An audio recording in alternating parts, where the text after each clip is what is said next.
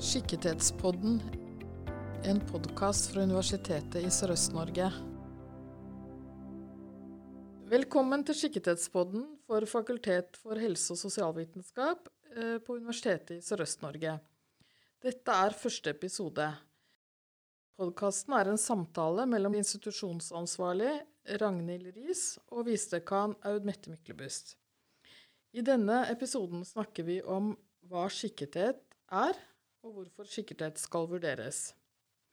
Så Ragnhild, kan du fortelle meg nå, hva er egentlig skikkethet? Ja, først eh, takk for ordet, Aun Mette, og for introduksjonen. Sikkerhet, det snakker vi ofte om som i forhold til noe. Vi er skikka til noe. Og i vårt tilfelle så handler det jo om å være skikka for et kommende yrke. Og hvem skal egentlig skikkethetsvurderes? Ja, det er faktisk 28 ulike utdanninger som nå er underlagt siktighetsvurdering. Ved vårt universitet så er lærerutdanningene de skal siktighetsvurderes. Og i vårt fakultet, Fakultet for helse- og sosialvitenskap, så er det barnevern, jordmor, optometri, radiografi, sykepleie og vernepleiestudiene som siktighetsvurderes. Og så kan jeg jo også nevne at det trolig blir siktighetsvurdering også på videre- og masterutdanninger innenfor våre områder. da. Når du snakker om disse utdanningene da, som mm. skal vurderes, så er det studentene som går i de utdanningene du snakker ja. om? Ja, helt klart. Ja. Men hva er egentlig sikkerhetsvurdering? Jo, altså jeg kan begynne med å si at den ordningen med skikkethetsvurdering, det er lovregulert.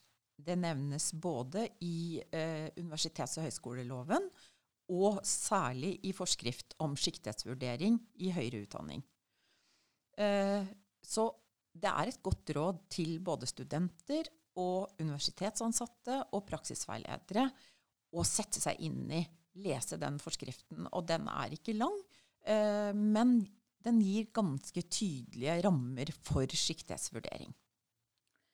Men, ja, nå har du snakka litt om denne forskriften da, som mm. til grunn for siktighetsvurdering. Ja.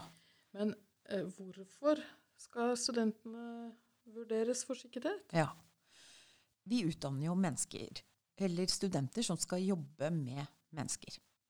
Og de menneskene trenger på en eller annen måte hjelp, omsorg, undersøkelser, behandling, pleie eller støtte. Og av og til så beskriver vi jo disse menneskene som sårbare grupper eller som tredjepart.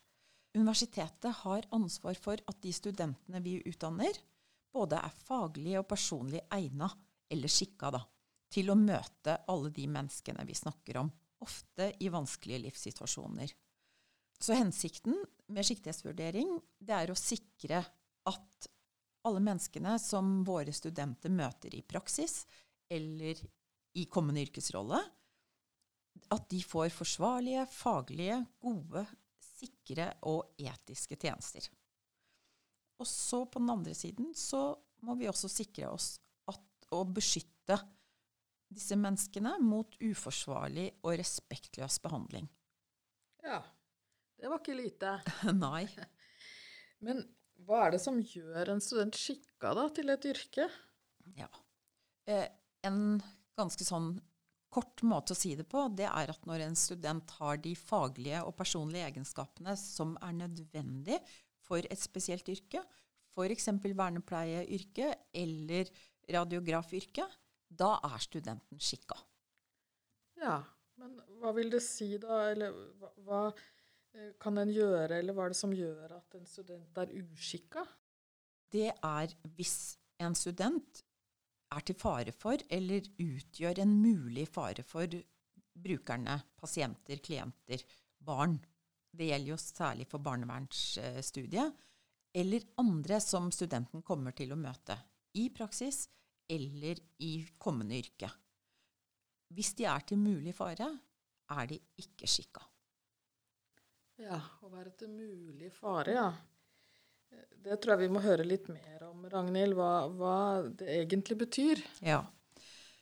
Altså, å være til mulig fare handler om å ikke kunne gi forsvarlige helsetjenester eller sosialtjenester.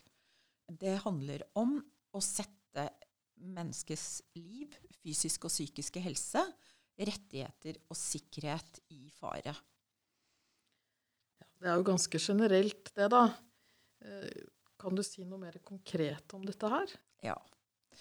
Vi snakka jo om forskriften, siktighetsforskriften. Og i paragraf fire i den forskriften så nevnes det en hel rekke av vurderingskriterier. Og flere av de kriteriene handler om studentens vilje eller evne, eller heller manglende vilje eller evne. Først så handler det om manglende vilje eller evne til å ha omsorg for, forståelse og respekt for de menneskene studenten møter i praksisstudier, eller i yrket, sånn som vi har sagt tidligere. Det andre, som handler om manglende vilje eller evne, det dreier seg om samarbeid og det å etablere tillitsforhold. Og vi vet jo, Mette, at tillit er jo helt grunnleggende for alt helse- og sosialpersonell. Her tenkes det selvfølgelig først og fremst på brukerne og deres pårørende, at studentene er i stand til å etablere tillit og gjøre tillitsskapende tiltak. Men det handler også om samarbeidspartnere. Og for studenter så kan samarbeidspartnere være medstudenter, lærere, praksisveiledere, studieveiledere, som studentene møter veldig ofte, og også andre ansatte både i praksis og på universitetet. Ja. Er det andre ting også, som kommer inn under dette her? Ja, altså I dag, da, så har vi jo nesten alle mobilen i, i hånden nesten hele tiden. En student som ikke retter oppmerksomheten sin mot praksis, f.eks., mot praksisveileder, følger praksisveileder, er mer opptatt av det som skjer på mobilen, det kan jo f.eks. svekke tilliten til en student. Ja, det med tillit, det skjønner vi er viktig. Mm. Men jeg tenker det er andre ting òg kanskje du må komme inn på her, Ragnhild? Ja, da er vi over på atferd som er eller kan oppfattes som truende eller krenkende. Et av de vurderingskriteriene vi har snakka om, da, handler jo om nettopp det. En student som er eller oppfattes som truende eller krenkende i studiesituasjonen, vil også kunne være til fare for eh, pasienter eller brukere. Også her handler det først og fremst om atferd overfor brukere, pårørende. Men også de som vi snakket om, er studentens andre samarbeidspartnere i studiet.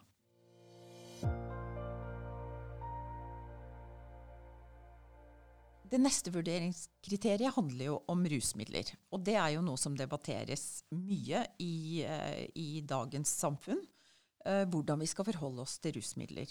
Ifølge siktighetsforskriften så er studenter som misbruker rusmidler eller tilegner seg medikamenter på ulovlig vis, de er ikke skikka for yrket.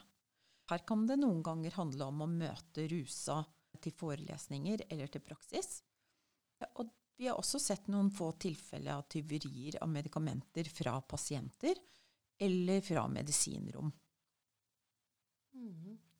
Ja, dette skjønner vi jo egentlig, mm. at, at, dette er, eh, kan få alvorlige følger, da. Men det kan jo være andre ting òg, vel, med studenter som gjør at man uh, kan lure på om de er skikka. Ja. Studenter kan jo ha store personlige problemer som gjør at de fungerer dårlig i forhold til omgivelsene og kravene i utdanninga. De personlige problemene de kan være eh, vedvarende eller av mer forbigående art. Men når en tar en utdanning som har krav til hvordan en fungerer og hvordan en skal opptre, så må en på det tidspunktet ikke ha personlige problemer som gjør at en ikke kan oppfylle kravene i studiet. Da er du ikke skikka for yrket. Mange ting å passe på her. Ja. Vi tenker jo også på dette med å forstå seg selv. Og hvordan det påvirker andre. Det er jo et viktig tema gjennom utdanningene våre. En helse- eller sosialarbeider er helt avhengig av å forstå hvordan andre oppfatter en. Altså forstå hvordan andre ser på deg. Det handler jo om selvinnsikt. Så en student som viser for liten grad av selvinnsikt, i forbindelse med oppgave i studiet, er heller ikke skikka for yrket. Og da kan vi også gå videre til dette med uaktsom og uansvarlig atferd. Vi snakket jo om truende og krenkende atferd, men dette kriteriet handler om uaktsomhet og uansvarlighet. Det kan jo føre til risiko for skade på pasienter eller brukere. Og har man en sånn type atferd, så er man heller ikke skikka for yrket. Det siste kriteriet det handler om veiledning og veiledningssituasjoner. Studentene våre de møter jo veiledning ofte i studiegrupper, i laboratorie- og simuleringsøvelser for mange, og ikke minst i praksisstudiene. Vi forventer jo at studentene både kan ta imot og anvende veiledningen i faglig og personlig utvikling. Så studenter som ikke har vilje eller evne, og der kommer dette med vilje og evne inn igjen, da. De som ikke har vilje eller evne til å endre den atferden som beskrives som uakseptabel atferd, i tråd med veiledning som blir gitt, de er heller ikke skikka for yrket. Oi, dette var mye, Ragnhild. ja. Jeg bare lurer på om jeg skal ta og sjekke ut nå om jeg har skjønt det du har sagt. Sånn at vi bare tar en liten sånn kort oppsummering av de punktene du har snakka om. Det du første du sa, det var dette med manglende vilje eller evne. Mm. Og så snakka du om samarbeid og dette med å etablere tillit. At det var veldig viktig. Det tredje du snakka om, dette her at man ikke skulle opptre truende eller krenkende. Eh, og så snakka du om rusmidler. Mm. At det får noen følger Ja. hvis man kommer rusa eh, altså på studiet eller på, på, ut i praksis. Ja. Og så var det dette med at studenter kan i en periode ha noen personlige problemer som gjør at man kanskje kan være uskikka Mm. for en periode, eller man Ja. Og så var det dette med selvinnsikt, å kunne forstå seg selv og kunne eh, oppfatte hvordan andre eh, oppfatter en. Ja. Og så snakka du om uaktsom og uansvarlig atferd. Ja. Og til slutt så snakka du om at dette med veiledning, at Mm. man må kunne ta imot veiledning. Ja. Ja, det var mange ting. Ja, og nå har jeg faktisk også lyst til å tilføye et element som går på eh, Vi snakket jo om mobil og mobilbruk, særlig i praksisstudier, i stad. Altså, Sosiale medier er jo ikke trukket inn i siktighetsforskriften, for den kommer jo nesten før sosiale medier. Men hvordan en som student bruker sosiale medier i utdanningen, det er viktig å tenke på. Vi har eksempler på at eh, chatter f.eks. i eh, grupper av studenter har blitt truende, krenkende, for nærgående, og eller at man bryter taushetsplikt ved å beskrive brukere eller pasienter. Så det er også en sånn lite innspill til, til vår altså studenter og, og læreres hverdag, da. Dette med sosiale medier, og tenke seg om hvordan en bruker det. Ja. Men jeg tenker at jeg har lært mye av å snakke med deg nå, Ragnhild. Så i denne episoden har vi nå snakka om hva skikkethet er. Og i neste episode har vi tenkt å snakke om eh, hvordan skikkethetsvurdering foregår. Ja. Og da kan vi bare nevne stikkordet løpende siktighetsvurdering. Det blir neste episode. Ja.